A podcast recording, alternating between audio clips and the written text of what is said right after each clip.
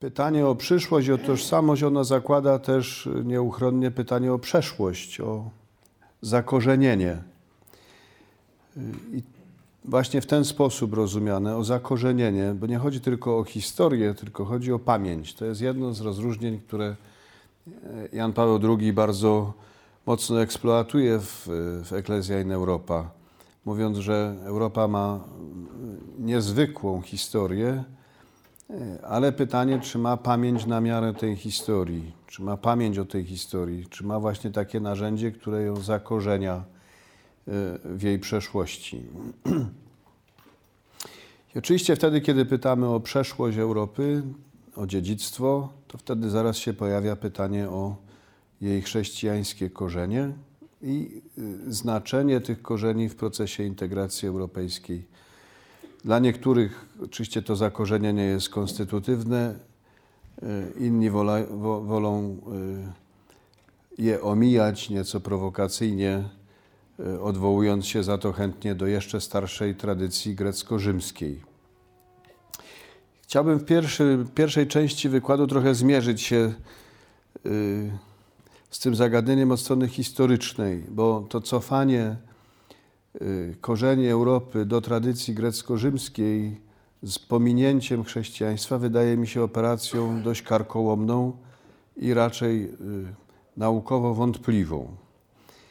Y, I to oczywiście nie chodzi o to, że tradycja grecko-rzymska nie jest składową tożsamości europejskiej, bo jest tylko chodzi o to, że w tych czasach, które określamy jako czasy grecko-rzymskie, Europa jeszcze nie była wcale świadomą siebie wspólnotą kulturową czy historyczną. Jako taka to ona się zrodziła wraz ze średniowieczem, raczej y, na miejsce greckiej oikumene i rzymskiego orbis romanus. Starożytni myśliciele Myślę także chrześcijańscy, z Augustynem na czele, trudno o kogoś większego e, ze starożytnej chrześcijańskiej tradycji. Jeśli mówili o Europie, to raczej w kategoriach geograficznych, ale jedność duchowa, kulturowa to dla nich e, był świat rozłożony wokół basenu Morza Śródziemnego, które przez starożytnych było nazywane naszym morzem. I, e, i pamiętam, jak Kiedyś w trakcie jednej z wypraw naukowych ze studentami krakowskimi byliśmy w Pergamonie i zwiedzaliśmy ruiny Serapejonu. E, w pierwszej chwili nie za bardzo wiedzieliśmy, co to za budowla. E, to, co nas uderzyło najpierw, to to, że była ewidentnie zbudowana z rzymskiej cegły. Rzymską cegłę każdy archeolog rozpoznaje natychmiast. Więc rzymska cegła w Pergamonie było nie było greckie miasto w Azji Mniejszej, a potem się okazuje, że świątynia ku czci egipskiego bóstwa Serapisa, a postawił ją rzymski cesarz Hadrian. To znaczy, to jest obraz świata starożytnego, świata, który jest właśnie skoncentrowany wokół Morza Śródziemnego i tam odnajduje swoją tożsamość. Nie ma e, co mówić, nie ma wielkiego sensu mówić o Y, porozdzielanych i świadomych siebie kontynentach. Ta kategoryzacja w tym czasie właściwie nie istnieje. Pewnie właśnie dlatego, może Państwo, na pewno się Państwo spotkali z wielką pracą profesora Davisa zatytułowaną Europa, to on konsekwentnie przez pierwsze trzy rozdziały Europę nazywa wyłącznie półwyspem. Nie wprowadza nazwy Europa, bo jak wprowadzamy nazwę, to stosujemy już jakieś imię do konkretnej rzeczywistości. Natomiast pierwsze trzy rozdziały to są rozdziały o półwyspie, czyli o miejscu na mapie, y, które nie jest znowu aż tak bardzo ważne. Y, jest fragmentem wielkiego kontynentu, który dzisiaj byśmy nazywali Euroazją. Natomiast to imię Europa w pracy Davisa pojawia się w czwartym rozdziale, wtedy kiedy on mówi o latach między 330 a 800 już naszej ery. Y, I jeśli pójść za tą sugestią profesora Davisa, to odkryjemy, że właściwie y, akcent trzeba by raczej przesunąć bliżej tej drugiej daty, właśnie roku 800 niż 330. Y, dlaczego? Bo jeśli sięgamy do źródeł wczesnośredniowiecznych, to widać, że starożytne kategorie dość długo w nich jeszcze funkcjonują. Dobry przykład to jest Izydor z Sewilli. Tak, data śmierci, przypomnę, 636 rok. U Izydora z Sewilli Europa to jest tak naprawdę jedna z trzech części Królestwa Świata, jak mówi. Y, De natura rerum. Królestwo Świata dzieli się potrójnie. Jedna jego część nazywa się Europą, druga Azją, a trzecia Afryką. Od Afryki oddzielają morze rozciągające się od oceanu po słupy Herkulesa. Wraz z Afryką u Izydora Europa stanowi połowę świata, drugą stanowi Azja. I to jest takie minimum wiedzy, które e, hiszpański encyklopedysta zaczerpnął zapewne od Augustyna z De Civitate Dei e, z XVII rozdziału. Podobnie w takiej pracy, która jest poświęcona liczbom występującym w Piśmie Świętym, Izydor z Sewilli mówi: Trzy to także liczba części, z których składa się świat: Azja, Europa i Libia. Akurat dość często w, w starożytnych i wczesnośredniowiecznych źródłach Libia jest synonimem Afryki. Dokładny, dokładniejszy opis Europy jest u Izydora w etymologiach, w czwartym rozdziale, który nosi tytuł De Europa. I tam jest y, blisko 30 akapitów, w których Izydor y, przedstawia poszczególne rejony Europy. Scytię, którą nazywa Barbarią, Mezję, Panonię, Trację, Grecję, Italię, Galię, Akwitanię, Hiszpanię. Y, mówi o ludach, które tam mieszkają, o bogactwach naturalnych, Najwięcej miejsca poświęca Grecji. Z Grecji wymienia dwa miasta, Korynt i Ateny, z naciskiem na Ateny, miasto, które jest macierzą wolnych nauk i żywicielką filozofów. Sławniejszej i szlachetniejszej od niej nie masz w całej Grecji. Właściwie Rzym się w jego opisie nie, nie, nie, nie, pokazuje, Rzym nie jest wspomniany. Italia jest nazwana Wielką Grecją. To jest ciągle jeszcze nawiązanie do tego świata starożytnego, który kulturowo stworzyli Grecy, czyniąc ten świat światem helenistycznym. I widać, jak Izydor, przyzwoity chrześcijanin, czczony w kościele jako święty, on w, etymologiach nie wie nic o Piotrze i Pawle w Rzymie, natomiast o greckiej mitologii wie bardzo dużo i porusza się po niej bardzo swobodnie. On jest ciągle jeszcze obywatelem tamtego świata. Sto lat po nim żyje Beda Czcigodny.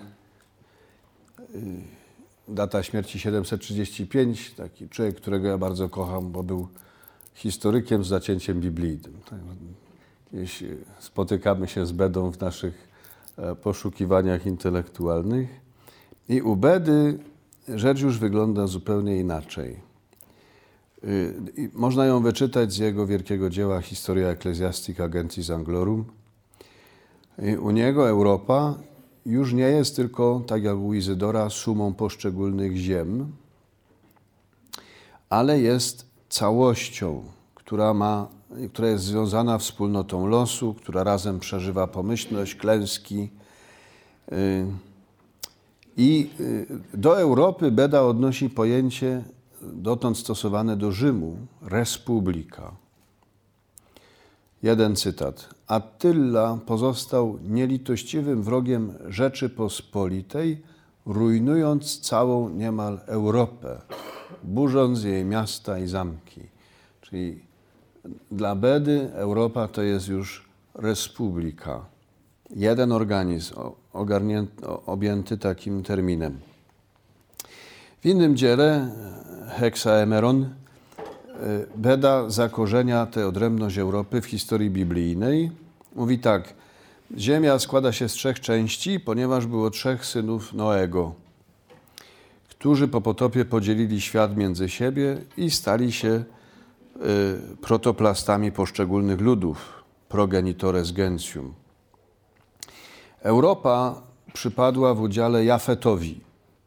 Beda y, wie to od świętego Hieronima, ale to uderzające, że chociaż Hieronim stworzył tę konstrukcję w, w Questiones Hebraice in Genesim, to przed Bedą właściwie od Hieronima żaden z pisarzy e, e, chrześcijańskich tej konstrukcji nie zapożyczał.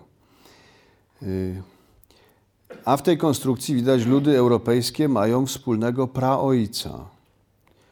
Więc ich jedność nie jest już tylko jakimś przelotnym fenomenem kultury, tylko jest realizacją takich początków, które są zakorzenione w, woli Boga. Mówimy o tej części Księgi Rodzaju y, y, od 1 do 11, te rozdziały od 1 do 11, to jest taka historia, która zawsze było takie przekonanie w, w tradycji judaistycznej i chrześcijańskiej, że to jest taka część historii biblijnej, która odnosi się do człowieka w ogóle do, do ludzkości jako takiej. To są te naj, najbardziej skondensowane plany Boga odniesione do, e, do całej ludzkiej historii, do, do, do, do człowieka w ogóle. Więc y, w tej takiej najbardziej intensywnej historii biblijnej, czy prahistorii biblijnej, jest wspólny przodek dla wszystkich ludów europejskich i to jest jeden z synów Noego. E, taka sama myśl wraca w pismach Alcuina. To jest już wyjątkowy człowiek, Alcuin, jeden z najważniejszych, jedna z najważniejszych osób e, tak zwanego renesansu karolińskiego i, i, i z najbliższych współpracowników Karola Wielkiego. Alcuina by można było zaprosić na wykład rektorski niewątpliwie. E, Alcuin w takiej pracy Interrogationes et Responsiones in Genesim pisze tak. W jaki sposób dzięki trzem synom Noego dokonał się nowy początek doczesności? I odpowiada, tak mianowicie, iż trzy części świata zostały zapełnione przez trzy pokolenia. Sem dzięki swoim synom wziął w posiadanie Azję, Ham Libię, a Jafet Europę. I e, takich tekstów można by znaleźć więcej, ale warto sięgnąć po takie, które tę naszą refleksję pod, posuną nieco dalej. E, takim tekstem jest e, dzieło Alcuina De Comparatione Numerorum Veteris et Novi Testamenti, gdzie pisze tak. Cały świat na trzy dzieli się części: Europę, Afrykę i Azję w których Bóg na trzy czczony jest sposoby przez wiarę, nadzieję i miłość. Przez wiarę, nadzieję i miłość. Więc trzem kontynentom odpowiadają trzy cnoty teologalne i bardzo ciekawe jest to, że Europie Alcuin przyporządkował wiarę. To jest o tyle ciekawe, że jak wiadomo, chrześcijaństwo narodziło się w Azji, a w pierwszych stuleciach najważniejszym miejscem e, chrześcijańskim była Afryka, nie Europa. A jednak pod piórem Alcuina y, wiara jest sposobem uczczenia Boga europejskim. Europej, y, to, jest, to jest to, w jaki sposób Europejczycy czczą Boga przy pomocy wiary, poprawnej wiary, trzeba by od razu powiedzieć. Jak zrozumieć tę intuicję Alcuina? Y, można ją zrozumieć tylko jeśli mamy w świadomości dwa procesy, y, które się wydarzyły gdzieś między Izydorem z Sewilli i Bedą Czcigodnym a Alcuinem. To są dwa ważne procesy dziejowe. Pierwszym jest ekspansja islamu. I wiadomo, że islam y, właśnie na, cały, na okres całego średniowiecza związał uwagę i siły Bizancjum, więc polityczne zwierzchnictwo drugiego Rzymu nad pierwszym właściwie zostało zredukowane na, najpierw do, do, do poziomu symbolicznego, a potem już do zera. No i w konfrontacji z islamem to właśnie Europa okazała się no główną bazą chrześcijaństwa. Wiadomo, Afryka właściwie chrześcijańska przestała istnieć. I to w tym procesie też centrum Europy się przeniosło z nadmorza Śródziemnego na północ do Akwizgranu, i y, to jest ten sens, y, który oddaje bardzo pięknie Marc Bloch, mówiąc, że Karol Wielki był wytworem Mahometa. Znaczy, gdyby nie wyzwanie islamu, to być może to centrum kulturowe nie przesunęłoby się tak dalece na e, północ nadmorza Śródziemnego. I temu procesowi politycznemu towarzyszył drugi, raczej z, z kategorii religijnych. To jest e, proces emancypacji papiestwa spod wpływu wschodniego cesarstwa. Y, o tym można by bardzo dużo mówić. To jest moment przełomowy, zwłaszcza wiek VII i VIII, kiedy papiestwo właściwie staje na czele takiego procesu w ogóle emancypacji Italii spod, spod władzy Bizancjum. Y, natomiast tu interesuje nas ten proces wyłącznie o tyle, że jemu towarzyszy także taka kwestia teologiczna, którą był spór o kult obrazów. I y, kiedy ten spór o kult obrazów się toczył, to na Zachodzie pojawiła się taka bardzo mocna idea, że właśnie Zachód jest y, tym miejscem, które broni ortodoksji chrześcijaństwa. I wtedy po raz pierwszy na Zachodzie zaczęto mówić o wschodzie jako o tym, który odpadł od prawdziwej wiary i tam się rodzą wszystkie herezje. Mamy w, w drugiej połowie IX wieku takiego pisarza, który się nazywa Eneasz z Paryża i on y, z całym przekonaniem mówi tak, wszystkie herezje rodzą się na obrzeżach Europy, a finibus Europę, tam gdzie leży Konstantynopol. I jak ktoś ma wątpliwości co do, tej jego, co do jego wykładu, to on pokazuje całą serię osób uznanych za błądzących we wierze, oczywiście od Ariusza, potem Eunomiusz, Fotyn, Marcjon, Cerynt, e, Mani, Nestoriusz, Eutyches i tak dalej. I teraz e, temu chrześcijaństwu, które dla niego jest podejrzane właśnie przede wszystkim z racji na, na e, aktualny spór o kult obrazów, on przeciwstawia co? Taki byt. Katolika, Europę, Eklezja. Jest właśnie to. Jest Europa, która jest tożsama z Kościołem, Kościołem, w którym Bóg jest czczony dzięki wierze ortodoksyjnej. U Alcuina możemy wyczytać myśl podobną. Jest jego list ciekawy do Kolkusa z 790 roku. Alcuin pisze tak. Wiedz, wasza miłość, iż z miłosierdzia Boga jego święty Kościół w Europie cieszy się pokojem, owocuje i wzrasta. Saksonowie i Fryzowie – dzięki królowi Karolowi zwrócili się do wiary w Chrystusa. Kiedy trzy lata temu Grecy najechali Italię, zostali zmuszeni do ucieczki, pozostawiwszy za sobą cztery tysiące zabitych i tysiąc wziętych do niewoli. Podobnie i Awarowie, których my nazywamy Hunami, kiedy napadli na Italię, zostali pokonani przez wodzów tego najbardziej chrześcijańskiego króla. Więc tu wizja jest bardzo jasna. Jest chrześcijaństwo, które ma władcę, którym jest Karol Wielki, i, a granice tego chrześcijaństwa są y, określone w stosunku do pogan, do muzułmanów i do Greków. Wszyscy na jednym oddechu wymieniani jako wrogowie Europy. Y, widać właśnie y, intelektualistę, który jest człowiekiem Kościoła utożsamianego z Europą. Tak? To już jest ktoś, kto żyje w, w w takiej rzeczywistości, którą naj, najlepiej historycy określają jako Christianitas, mówiąc o y, pewnej formacji kulturowej, która się zapewne narodziła y, y, za czasów pontyfikatu Grzegorza Wielkiego. Tak najczęściej się wskazuje ten moment kolebki europejskiej, więc pontyfikat Grzegorza 590 do 604, na, narodziny Christianitas, czyli właśnie społeczeństwa Europy średniowiecznej. Czyli Christianitas to wspólnota ludzi, którym czas odmierzają kościelne dzwony. Y, świat, w którym y, najważniejsze drogi to są drogi pielgrzymkowe. Tu znowu jest ta sama datacja.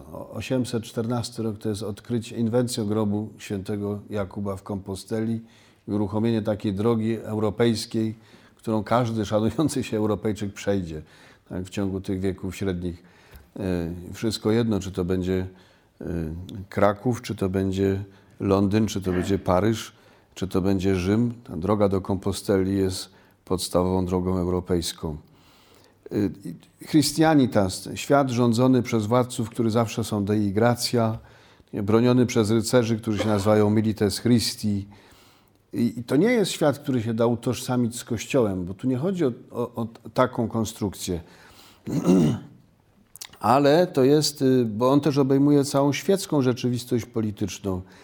Niemniej te elementy, które my dzisiaj rozdzielamy łatwo jako świeckie i sakralne, w tym świecie są nie do rozdzielenia i to jest świat, w którym nikogo nie dziwią tak zwane leges ecclesiastice wydawane przez władców, którzy egzekwują nad swoich poddanych to, że nie byli na sumie niedzielnej na przykład, albo że nie przestrzegali postu w piątek i mogą stracić zęby, jak w Polsce Bolesława Chrobrego z tego powodu. Ale też nikogo nie dziwi w tej Europie biskup czy papież, który wkłada zbroję i staje na czele własnego wojska. I to, to wymieszanie kategorii, które my dzisiaj bardzo chętnie rozdzielamy, ono jest i w, w, na obszarze faktów, i na obszarze idei. Y, jeden cytat z traktatu Ludwika Niemieckiego z Karolem II, to jest rok 865. Mówią tak, napisane jest, ta dopiero jest kością z mojej kości i ciałem z mego ciała. I tak Kościół i Królestwo nam powierzone są jedno, podobne jak jedno są lud i Christianitas. Tak? Czyli Kościół i państwo jest jak mąż i żona. Są jednym ciałem. Są jednym ciałem. To są kategorie średniowiecznego myślenia. Oczywiście y, mówimy też o, o, o, świecie, który jest y, uniwersalny y, i który najlepiej rozumie siebie właśnie w takich kategoriach uniwersalnych, powszechnych. O wiele słabiej rozpoznaje się w takich kategoriach, które dla nas dzisiaj są może bardziej oczywiste, czyli partykularnych, narodowych. Mam dwa takie przykłady, które zawsze mi przychodzą do głowy, jak, jak, jak ktoś mnie pyta o jedność europejską w średniowieczu. Obydwa są mi bardzo bliskie, bo byłem przez jakiś czas strażnikiem tych dwóch dokumentów. Pierwszy to jest najstarsza książka w Polsce, która nosi tytuł Predicationes, jest przechowywana w katedrze wawelskiej. To jest księga, którą napisano około roku 800 w Bobbio, na północy Italii, ale jesteśmy pewni, że napisał ją irlandzki mnich, który do tego Bobbio przywędrował, nauczywszy się w ogóle całego kunsztu pisarskiego, a zwłaszcza iluminatorskiego na Wyspach Brytyjskich. Teksty, które tam są zapisane, to akurat są teksty niesłychanie popularne w samym Rzymie i stworzone w Rzymie. To już trzecie miejsce, które ta książka koduje. Ale czwarte jest takie, że do Krakowa przyniósł tę książkę opad z klasztoru pod Kolonią, i ten opat miał na imię Aaron i on w Krakowie został biskupem, a potem arcybiskupem. I ja pamiętam, jak studenci reagowali, jak im pokazałem tę książkę. Mówię, popatrzcie się na księgę, którą Irlandczyk napisał w Italii, a do Krakowa przyniósł ją mnich z Niemiec i został w Krakowie biskupem. To jest chyba dzisiaj jest trudniej, żeby z Krakowa został biskupem w Łodzi, nie? Niż, e, niż wtedy z Niemiec, z zakolonii. Człowiek przychodzi i zostaje krakowskim biskupem. Nikogo to nie dziwi. To jest taka jedność europejska, która dzisiaj jest chyba w ogóle nie do wyobrażenia. E, drugi przykład jest jeszcze ciekawszy. E, spośród chyba wielu dokumentów, jakie tam są przechowane w archiwum na Wawelu, taka bulla, do której miałem sentyment wyjątkowy, to jest bulla papieża Marcina V do naówczas e, jeszcze diakona Zbigniewa Oleśnickiego, to potem będzie biskup krakowski i pierwszy kardynał w dziejach Kościoła Polskiego. A bulla jest z roku 1423 i wiąże się z tym, że Oleśnicki został właśnie mianowany krakowskim biskupem. Więc potrzeba go było wyświęcić najpierw na kapłana, potem, na, potem udzielić sakry. No i się okazało, że jest przeszkoda do święceń. A przeszkodę Państwo znacie z krzyżaków. To znaczy z tego przeszkodą było to, że w czasie bitwy pod Grunwaldem e, Oleśnicki trącił ułomkiem włóczni niemieckiego żołnierza, który, którego potem zabili pachołkowie królescy. No i w ten sposób zaciągnął, to ksiądz kanclerz by powiedział najlepiej, przeszkodę do święceń wyższych, ponieważ współuczestniczył w zabójstwie. Y, I proszę posłuchać, jak papież o tym pisze. To jest... Y, ubawicie się Państwo setnie, powiem szczerze.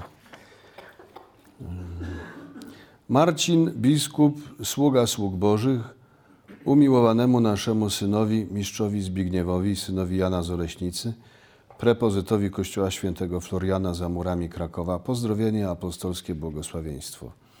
Z przekazanej nam niedawno w Twoim imieniu prośby wynika, że kiedy najdroższy w Chrystusie nasz syn, najjaśniejszy król Polski Władysław, wyruszył na wojnę z umiłowanymi synami naszymi, wielkim mistrzem i braćmi szpitala Najświętszej Marii Panny domu niemieckiego, a podczas bitwy między nimi pewien rycerz i najemnik wspomnianych wyżej mistrza i braci napadł rzeczonego króla, godząc na jego życie, ty, znajdując się na on czas u boku króla, lancą, którą trzymałeś akurat w swych rękach, akurat trzymał, jednym uderzeniem zwaliłeś owego rycerza z konia, a następnie powalonego w ten sposób jeszcze jednym podobnym pchnięciem uderzyłeś, nie zabijając go jednak, ani nie raniąc do krwi. Wszakże później ów rycerz został zabity przez innych zbrojnych królewskich. Bardzo piękne, dalej jest oczywiście dyspensa do święceń, ale najładniejsze jest właśnie to, że, najjaśniej, że najdroższy w Chrystusie nasz syn, najjaśniejszy król polski Władysław, wyruszył na wojnę z umiłowanymi synami naszymi, wielkim mistrzem i braćmi zakonu Najświętszej Marii Panny Domu Niemieckiego. To jest tak, to jest o bitwie pod Grunwaldem, jakby ktoś nie wiedział, czyli o tej bitwie, którą nam się przedstawia przez ostatnie wieki jako śmiertelne starcie słowiańszczyzny z żywiołem germańskim. No a papież mówi o tym jakby naprawdę dwóch braci, nie wiadomo który starszy, który młodszy, ale wiadomo, że od dobrych kilku lat się nie lubią. I oni właśnie się znowu pobili. ale papież nie ma żadnej wątpliwości, że za chwilę wszystko wróci do jakiego takiego ładu. Chłopcy dadzą sobie po razie i spotkają się z tatą przy stole i zjedzą razem kolację. I teraz y, ile razy czytałem ten tekst, się zastanawiałem, czy to jest tylko taka dyplomatyczna frazeologia, czy jednak tam jest coś więcej. Czy to nie jest tak, że papież tym swoim skłóconym i nie od wczoraj synom pokazywał, że są członkami jednego wielkiego organizmu i że są braćmi i że owszem, w tej chwili doraźne interesy ustawiły ich przeciwko sobie, ale między nimi jest jakaś jeszcze głębsza, fundamentalna jedność, do której można się odwołać.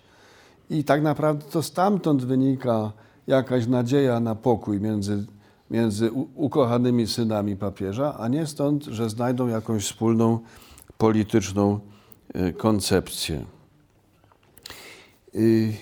Więc to są te kategorie uniwersalne. Średniowiecze dość późno e, wymyśliło kategorię narodu, i myślenia właśnie kategoriami e, własnego państwa, to taką jaskółką tego rodzaju myślenia jest spór między papieżem Bonifacym VIII a królem Francji, Filipem IV Pięknym. To jest przełom wieku XIII i XIV. Od tego momentu sytuacja się troszkę zmienia, bo wygląda na to, że chrześcijaństwo przestaje wyznaczać e, wspólnotę kontynentu, a przeciwnie zaczyna być używane y, jako potwierdzenie politycznych podziałów. To potem w XVI wieku przyjmie formę znaną nam tym adagium cuius regio eius religio. I wtedy y, y, to uniwersalne najpierw myślenie chrześcijańskie zostaje zdominowane przez nieraz bardzo ciasno pojęty interes narodowy i się okazuje, że chrześcijaństwo już nie burzy murów, tylko zaczyna je wzmacniać. Y, I zanim przejdę do tej drugiej części historii, to tu warto jednak zadać sobie jedno istotne pytanie, bo ktoś by mógł pomyśleć, słuchając mnie, że uważam, że ten czas Christianitas jest czasem idealnym i że najlepiej by było dzisiaj e, po prostu go odtworzyć. Więc oczywiście, że nie. I na pewno, a jeśli już, to na pewno nie do końca.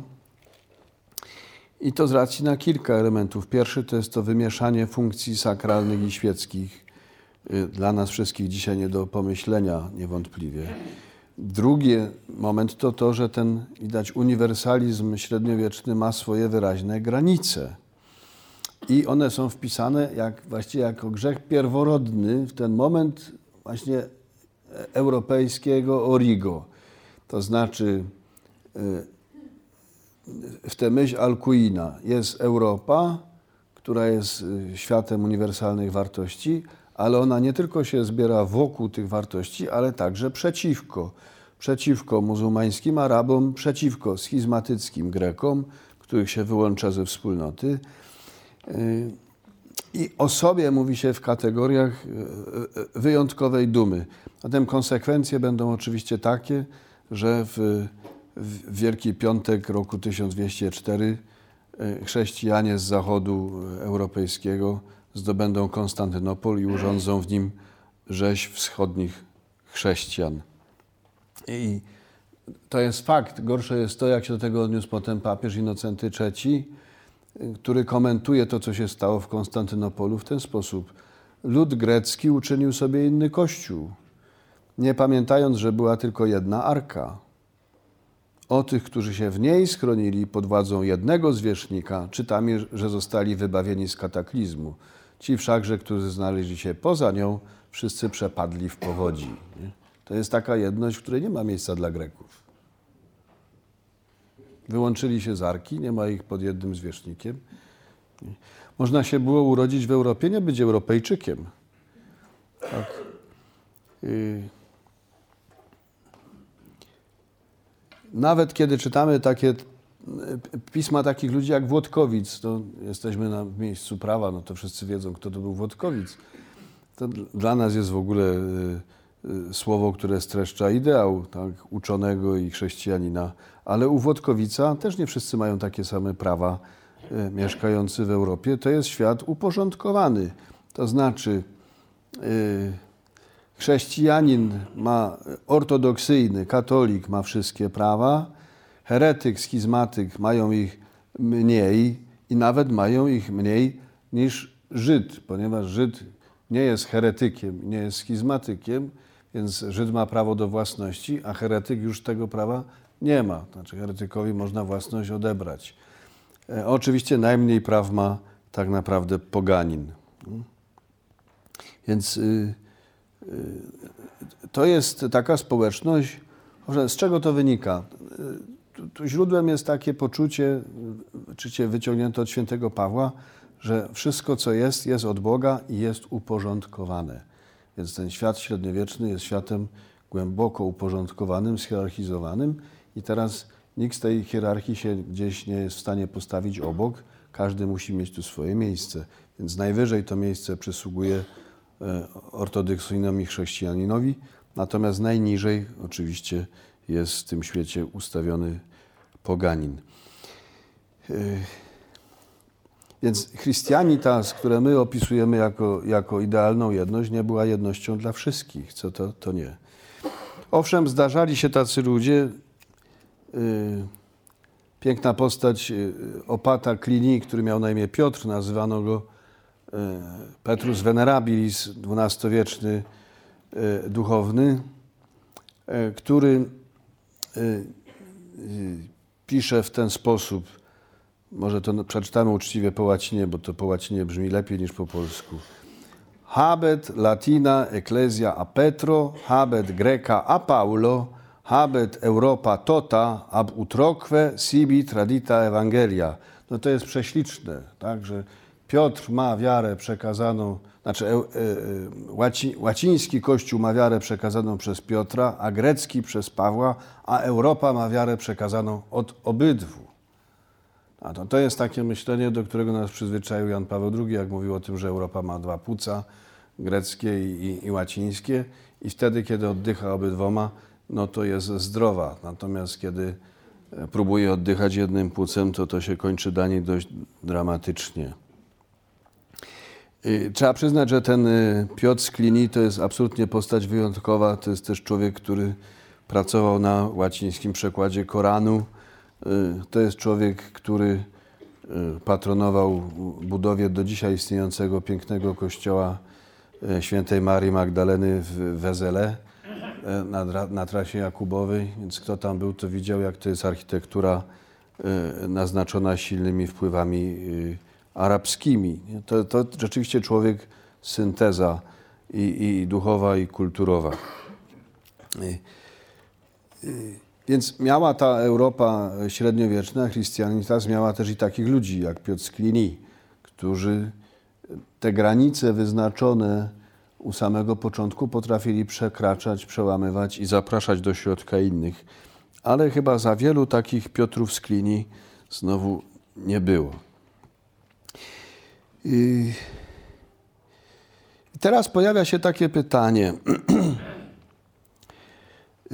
Na ile te narodziny Europy i, i, i ta jej młodość trwająca 800 lat mniej więcej, tak, od, od y, Bedy Czcigodnego po koniec średniowiecza, na ile, jeśli się ją opisze, nawet w taki sposób no, trzymający się możliwie źródeł, na ile to załatwia kwestię chrześcijańskiej tożsamości Europy. Zwłaszcza jeśli wiemy, co się działo w następnych stuleciach, więc że najpierw właśnie chrześcijaństwo przestało pełnić rolę jednoczącą kontynent, a raczej zaczęło być używane w roli sztandaru w rozmaitych wojnach religijnych, aż po wojnę 30-letnią. Tak?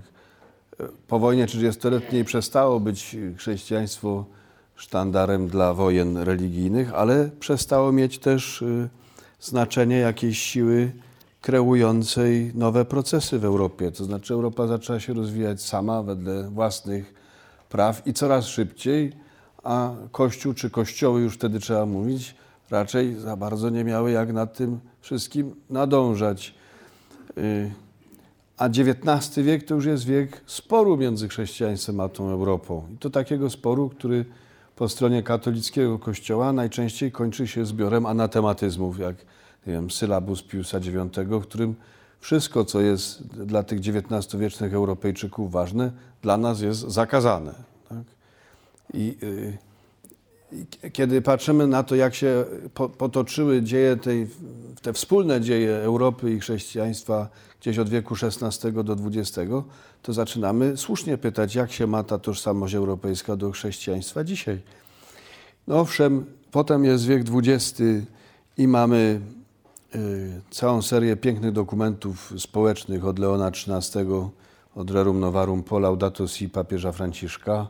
No i mamy wydarzenie Soboru Watykańskiego II, ale e, e, e, kiedy spotkanie okazało się na nowo możliwe, to czy my dzisiaj na progu XXI wieku jesteśmy w stanie zestawić jakiś katalog chrześcijańskich składowych e, tej tożsamości europejskiej? Czy potrafimy taki katalog zestawić? Wygląda na to, że w tym katalogu na przykład nie mieści się już dzisiaj idea Boga, a, już, a tym bardziej idea Boga osobowego czy wcielonego. Jeśli dzisiaj ten katalog tworzyć, to on bardziej będzie dotyczył koncepcji człowieka, a nie Boga. Kim jest człowiek? Y, jest y, niezwykłe przemówienie Jana Pawła II do uczestników y, Europejskiego Kongresu Naukowego na temat ku Konstytucji Europejskiej. I papież tam mówi o tym właśnie, jakie wartości składają się na chrześcijański fundament Europy. Chrześcijański fundament Europy. Mówi tak: godność osoby, świętość życia ludzkiego, centralna rola rodziny opartej na małżeństwie, ranga wykształcenia, niech żyje uniwersytet, wolność myśli, słowa oraz głoszenia własnych poglądów i wyznawania religii.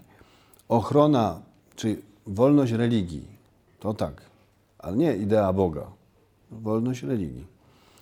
Ochrona prawna jednostek i grup, współpraca wszystkich na rzecz wspólnego dobra, praca pojmowana jako dobro osobiste i społeczne, władza polityczna pojmowana jako służba, podporządkowana prawu i rozumowi, a ograniczona przez prawa osoby i narodów.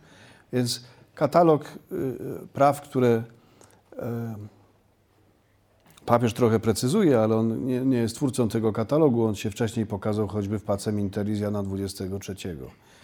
A to są wszystko prawa, które dotyczą osoby, jednostki i wspólnoty.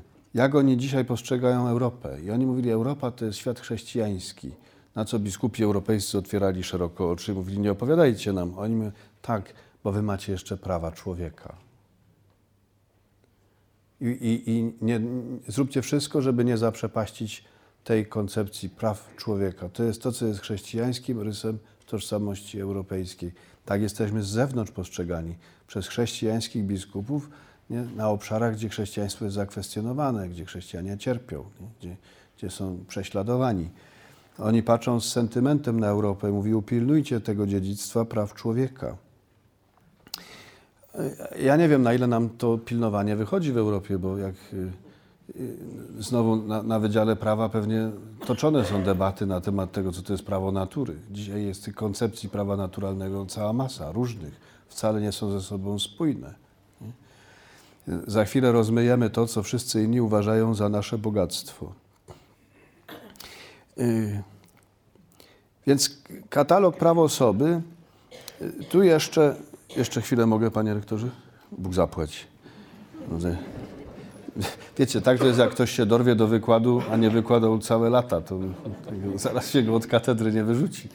Y, ponieważ y, y, bardzo dobrze jest przeczytać ten, ten katalog praw osoby, praw człowieka, jako, tak jak powiedział papież, chrześcijański fundament Europy. Bardzo mocne określenie. Ale e, jeśli zapytamy, czy Europa jest świadoma tego fundamentu, to pewnie odpowiedź będzie, że niekoniecznie.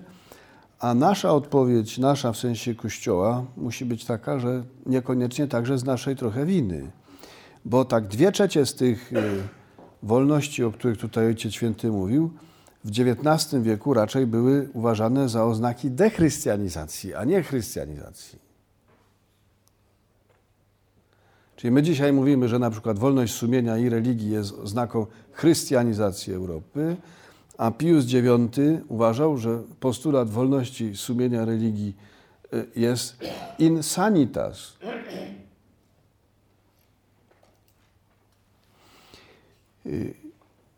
Mam tu, to jest 15 punkt sylabusa, 1864 rok. Jako błędne uważa się takie zdanie. Każdemu człowiekowi wolno przyjąć i wyznawać tę religię, którą wiedziony światłem rozumu uznał za prawdziwą. To jest uznane przez błogosławionego Piusa IX jako błędne zdanie. Zdanie, które potem e, e, e, wiek później następca, wspólnie zresztą Yy, no nie wspólnie, bo Pius był z Janem XXIII, ale to, to, ta beatyfikacja musiała być wspólna, bardzo radosna. To znaczy Jan XXIII stworzył katalog praw osoby ludzkiej w, w Pacem Interis, a Pius IX w sylabusie wiele z tych praw kwestionował wtedy. Nie? Yy, sięgnę po przykład jeszcze inny, który yy, myślę nawet jest mocniejszy. To jest przemówienie Jana Pawła II w, w Parlamencie Europejskim w 1988 roku.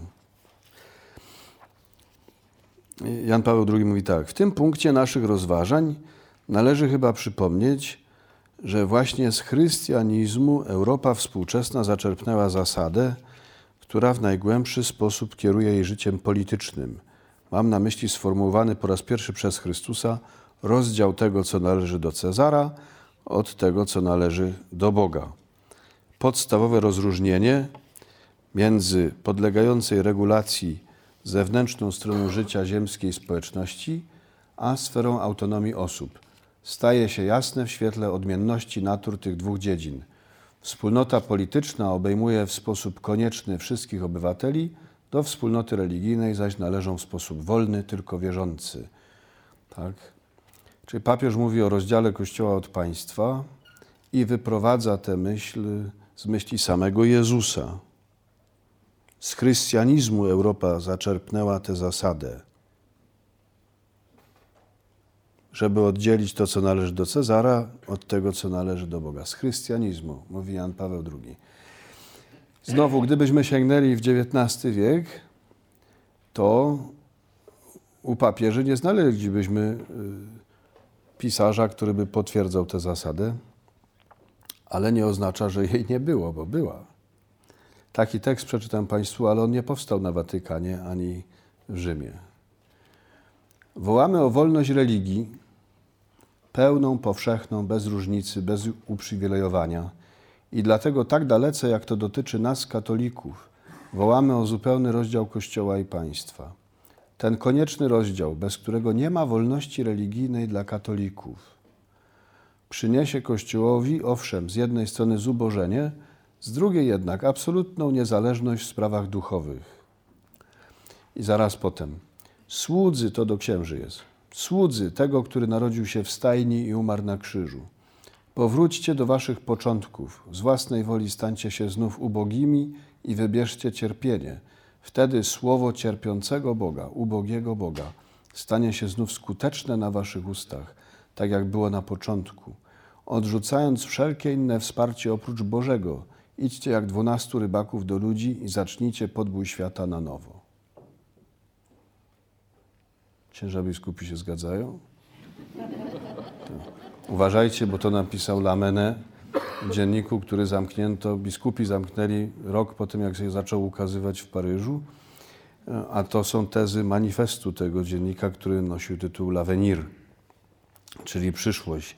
Jak mówię, po roku jego wychodzenia yy, został zamknięty, a ten postulat rozdziału Kościoła od państwa został uznany jako błędny w sylabusie, to jest tam 55 zdanie sylabusa.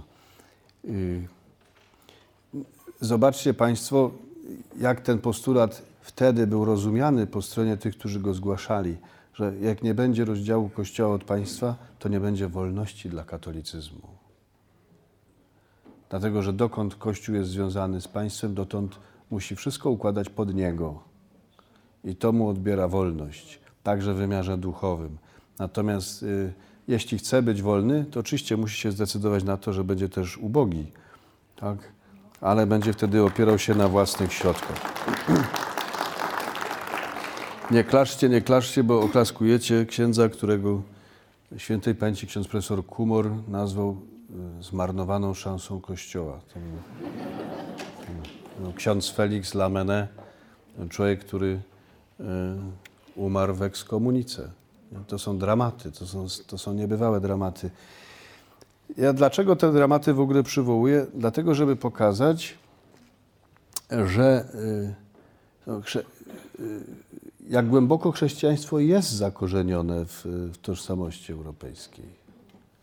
To nie musi oznaczać zawsze, że ta tożsamość chrześcijańska jest y, pilnowana przez tych, którzy w chrześcijaństwie pełnią rolę najwyższych strażników i przewodników. Czasami akurat tymi, którzy pilnują tych chrześcijańskich wartości w Europie, są ci, którzy są ustawiani albo na drugim planie, a czasami wręcz właśnie e, wystawieni na margines. I ta, ta historia może zaskakiwać. E, Napoleon, kiedy zajął państwo kościelne, to ogłosił decyzję o skasowaniu państwa kościelnego następująco. Jezus Chrystus, dziedzic królewskiej krwi Dawida, nie pragnął być królem Żydów. Powiedział: Moje królestwo nie jest z tego świata potępiając w ten sposób na zawsze każdy zamiar mieszania celów religijnych z pożądaniami doczesnymi. Bardzo pobożnie napisał. Odpowiedział mu papież Pius VII: Nie możemy zrezygnować z czegoś, co do nas nie należy. Władza doczesna należy do rzymskiego kościoła, a my nią tylko zarządzamy. Więc papież nie mógł zrezygnować z państwa, które Napoleon mu skasował, powołując się na Ewangelię. I teraz y, to nie chodzi o to, że cynik Napoleon ma być mi bliższy niż papież. Natomiast chodzi o to, że nieraz ta historia y, chrześcijańskich y, wartości w Europie jest zaskakująca. Kto ich broni, kto w jaki sposób w ich imię występuje. I może właśnie to jest największym znakiem zakorzenienia chrześcijaństwa w myśleniu europejskim, że kiedy jest kwestionowane, to jest kwestionowane z reguły w oparciu o chrześcijańskie przesłanki. Tak? Czyli y, y, Kościół, kościoły są nieraz kontestowane wcale nie w imię niewiary, tylko bardzo często w imię takich ideałów, które oficjalnie głoszą, a których nie zawsze, które nie zawsze widać, że są realizowane przez te kościoły na co dzień.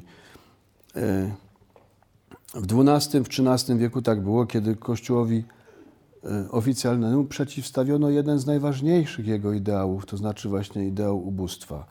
I, i tak było też w XVIII, w XIX wieku, kiedy się dystansowano do Kościoła w imię ideału, który jest zakorzeniony w Ewangelii od początku do końca i który nazywa się wolność. Nie? Jedno z najbardziej chrześcijańskich słów, które zostało opatrzone takim znakiem podejrzenia ze strony e, oficjalnego Kościoła, że właśnie w tym miejscu doszło do największego rozdziału między tworzącą się bardzo dynamicznie wtedy Europą, a e, Kościołem w jego wymiarze hierarchicznym, nauczającym.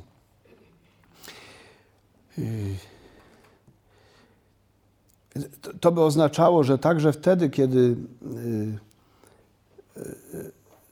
Europa przestała być ową Christianitas, to widać, jak jednak ten kod chrześcijańskich wartości ciągle w niej krąży i on krąży właśnie nie tylko po stronie tych, którzy tworzą ten kościoły oficjalne, ale bardzo często także po stronie tych, którzy nawet dla e, ewangelicznych racji je kontestują. I na koniec, w związku z tym, dwa słowa o nadziei, gdzie ja widzę nadzieję na to, żeby sięgnąć pamięcią do tego, co jest chrześcijańską origo Europy. Nadzieję widzę w dwóch procesach. Po stronie Kościoła oczywiście, nie, nie wypowiadam się po stronie Europy, bo to nie, nie, nie, nie mój obszar działania, ale po stronie Kościoła widzę tę nadzieję w dwóch wielkich procesach. Pierwszy to jest proces, to jest ekumenizm.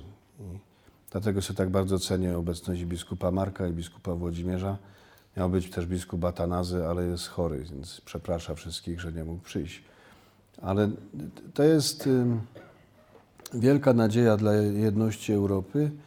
Myślę, że nawet y, ona ma dwa poziomy. Pierwszy to jest taki, że kiedy chrześcijanie europejscy są ze sobą razem bliżej, to to dobrze robi Europie jako e, właśnie wspólnocie, która ma być siebie świadoma. Ale także to jest tak, że Europa mogłaby się trochę pouczyć od chrześcijan, jak się do jedności dąży. Tak? Znaczy, chrześcijanie mają świadomość, jak to jest trudne i już wiedzą, że wszystko, co mogą zrobić, to e, to, że każda wspólnota chrześcijańska szuka na nowo powrotu do tego, co ją pierwotnie konstytuuje, to znaczy relacji z Jezusem. Wtedy, kiedy się schodzimy wszyscy z Jezusem, to schodzimy się też razem. Gdyby Europa wykonała taki proces myślowy, do czego ma wrócić każdy z, z fragmentów tej Europy, z tej wspólnoty, tej społeczności, to odkrywając sobie najbardziej podstawowe wartości, Europejczycy się spotkają e, także między sobą. I drugi wymiar to jest nowa ewangelizacja. To jest to działanie w Kościele, które y, papieże bardzo mocno ogłaszają, począwszy od Jana Pawła II, wcześniej jeszcze Pawła VI w Ewangelii Nuncjandi. Nowa ewangelizacja, która pokazuje, że chrześcijaństwo jest ciągle atrakcyjne i że jest atrakcyjne przede wszystkim mocą świadectwa, i kiedy myślę, że jest tak, że jak Europejczyk zderza się z atrakcyjnym świadectwem chrześcijańskim, to rodzą się w nim pytania, które, e, na które odpowiedź ma tak naprawdę zakodowaną w sobie, tej europejskiej, powiedzmy w cudzysłowie, duszy. I dialog z Europejczykiem na temat chrześcijaństwa to nie jest dialog o czymś, czego on nie wie, czego nie rozumie, czego nie zna. To jest dialog E, o tych prawdach, które głęboko nosi w sobie i cała sztuka polega tylko na tym, żeby te prawdy z niego wydobyć. Tak postępują dobrze mistrzowie uniwersyteccy. To Wojtyła nazywał metodą heurystyczną. Tak? Żeby stawiać człowiekowi tak pytania, by odpowiedzi znajdował w sobie. Świadectwo, atrakcyjne świadectwo chrześcijańskie jest takim sposobem zadawania pytań Europejczykowi, że wydobędzie z siebie na nowo to, co jest DNA chrześcijańskim w jego europejskiej tożsamości. Dziękuję bardzo.